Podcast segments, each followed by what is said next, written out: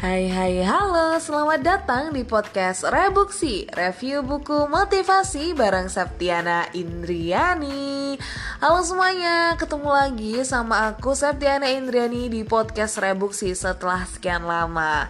Nah pada malam hari ini seperti biasanya di podcast Rebuksi akan membahas mengenai review buku motivasi. Dan pada kesempatan kali ini aku akan membahas atau mereview salah satu buku motivasi yang berjudul Road to Success yang ditulis oleh Napoleon Hill, petuah yang tak lekang oleh waktu untuk kehidupan kita saat ini. Untuk mencapai puncak kesuksesan tentu bukan suatu hal yang instan, tapi membutuhkan proses panjang dengan adanya lika-liku kehidupan. Buku Road to Success ini merupakan buku yang membahas mengenai panduan atau langkah-langkah dalam menggapai sebuah kesuksesan yang ditulis oleh Napoleon Hill, di mana beliau adalah salah satu penulis buku self-improvement yang sangat dikenal. Dan banyak buku yang ditulis oleh beliau menjadi buku bestseller seperti Think and Grow Rich, The Law of Success, dan masih banyak lagi. Dan di buku Road to Success ini terdapat 15 rambu jalan menuju kesuksesan yang diambil dari berbagai cerita sukses di mana terdapat juga cerita sukses dari tokoh ternama seperti Henry Ford di mana beliau adalah pencipta mobil pertama di Amerika dan merupakan pelopor perakitan mobil massal di dunia. Wah, menarik bukan? Buku yang ditulis oleh Napoleon Hill ini langsung saja kita bahas di podcast Rebuksi. Terdapat 15 rambu road to success yaitu yang pertama adalah keinginan sebagai tujuan utama dalam hidup. Jika ingin sukses, kita harus memiliki tujuan pasti yang tergambar jelas, dan kita juga harus yakin bahwa kita dapat mencapai tujuan yang kita impikan dengan ikhtiar dan doa. Kesuksesan yang dicapai oleh seseorang adalah buah hasil dari proses yang dijalani. Kebanyakan orang sukses memulai dari posisi bawah dan tidak langsung seketika ada di posisi jabatan tinggi. Jadi, orang sukses itu ada jalannya. So, ketika kita memiliki tujuan yang harus dikejar, maka trust the process. Teruslah meningkatkan kualitas diri dan jangan berhenti dengan apa yang kamu peroleh saat ini. Itulah mengapa tujuan merupakan salah satu rambu pertama menjadi jalan menuju kesuksesan. Karena ketika kita tidak memiliki tujuan, maka kita tidak tahu apa yang harus kita lakukan. Dan kita tidak tahu apa yang harus kita kejar. So, tentukan tujuan pasti apa yang ingin kamu kejar, apa yang menjadi mimpi kamu sebagai langkah awal menuju suksesmu. Kemudian menuju ke rambu yang kedua, jalan menuju kesuksesan, yaitu percaya diri. Kesuksesan akan diraih ketika kamu percaya pada dirimu sendiri.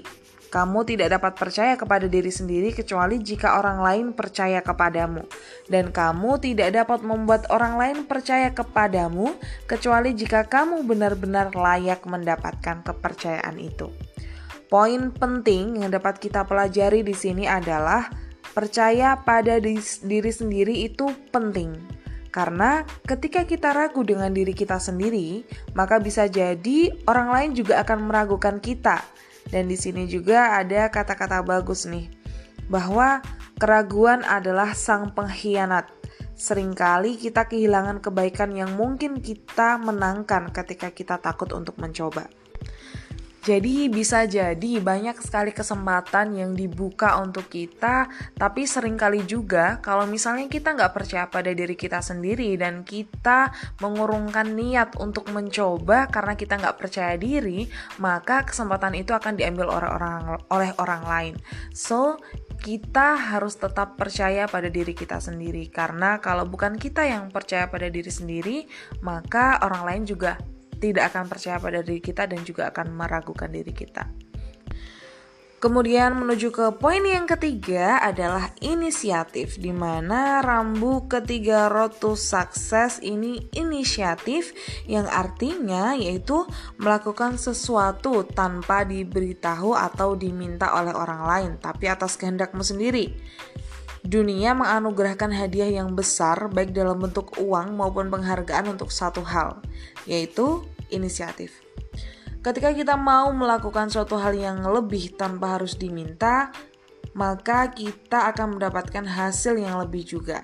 Tapi ketika kita melakukan suatu hal biasa-biasa saja, begitu juga dengan hasil yang kita dapatkan juga akan biasa saja. Terkadang ketika seorang diberi pin, diberi perintah oleh orang lain, ada yang dia langsung melaksanakan tugas itu hanya mengikuti sesuai dengan perintah saja. Ada yang dia gagal melaksanakan perintah itu dan ada juga orang yang melaksanakan perintah itu tapi dia melakukan lebih bahkan suatu hal yang tidak diminta sekalipun dia lakukan.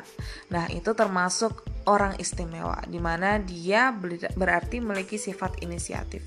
Dalam artian Orang yang memiliki sifat inisiatif akan disukai oleh banyak orang dan dia akan mendapatkan kesempatan-kesempatan yang besar yang diberikan oleh orang lain. Dan sifat inisiatif ini adalah salah satu sifat yang bisa mendekatkan kita kepada kesuksesan kita. Kemudian menuju ke rambu yang keempat adalah imajinasi. Di mana imajinasi itu dapat melakukan perubahan-perubahan positif bagi orang-orang di sekelilingnya dan dengan imajinasi kita akan terus terdorong untuk maju. Columbus menemukan benua Amerika setelah membayangkan bahwa di sisi samudera lain terdapat daratan. Kemudian, Lincoln menjadi presiden Amerika yang dihormati karena kepercayaan yang ia miliki akan pentingnya kesetaraan. Sebuah imajinasi yang ia miliki sejak kecil. Sehingga imajinasi itu juga sangat berpengaruh pada perubahan-perubahan positif kehidupan kita. Gunakan imajinasimu dan mungkin kamu akan melakukan sesuatu yang menempatkan namamu suatu saat nanti di antara mereka yang namanya terukir abadi karena telah bangkit di atas rata-rata. Menuju rambu, menuju jalan kesuksesan yang kelima adalah antusiasme. Jadi, rambu kelima jalan menuju kesuksesan adalah antusiasme.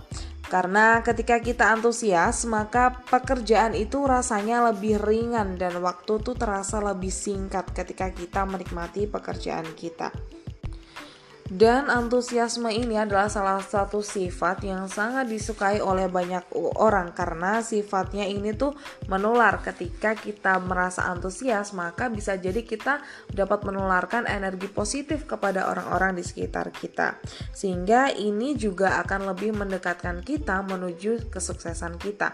Karena semakin banyak orang yang suka dengan kita, maka semakin banyak kesempatan yang terbuka bagi kita dan akan mendekatkan kita kepada kesuksesan yang kita tuju. Kemudian menuju rambu kesuksesan yang keenam adalah tindakan. Di mana untuk menjadi orang yang sukses, kita itu tidak boleh perhitungan. Kita perlu menghindari sifat memberikan seperti yang kita peroleh.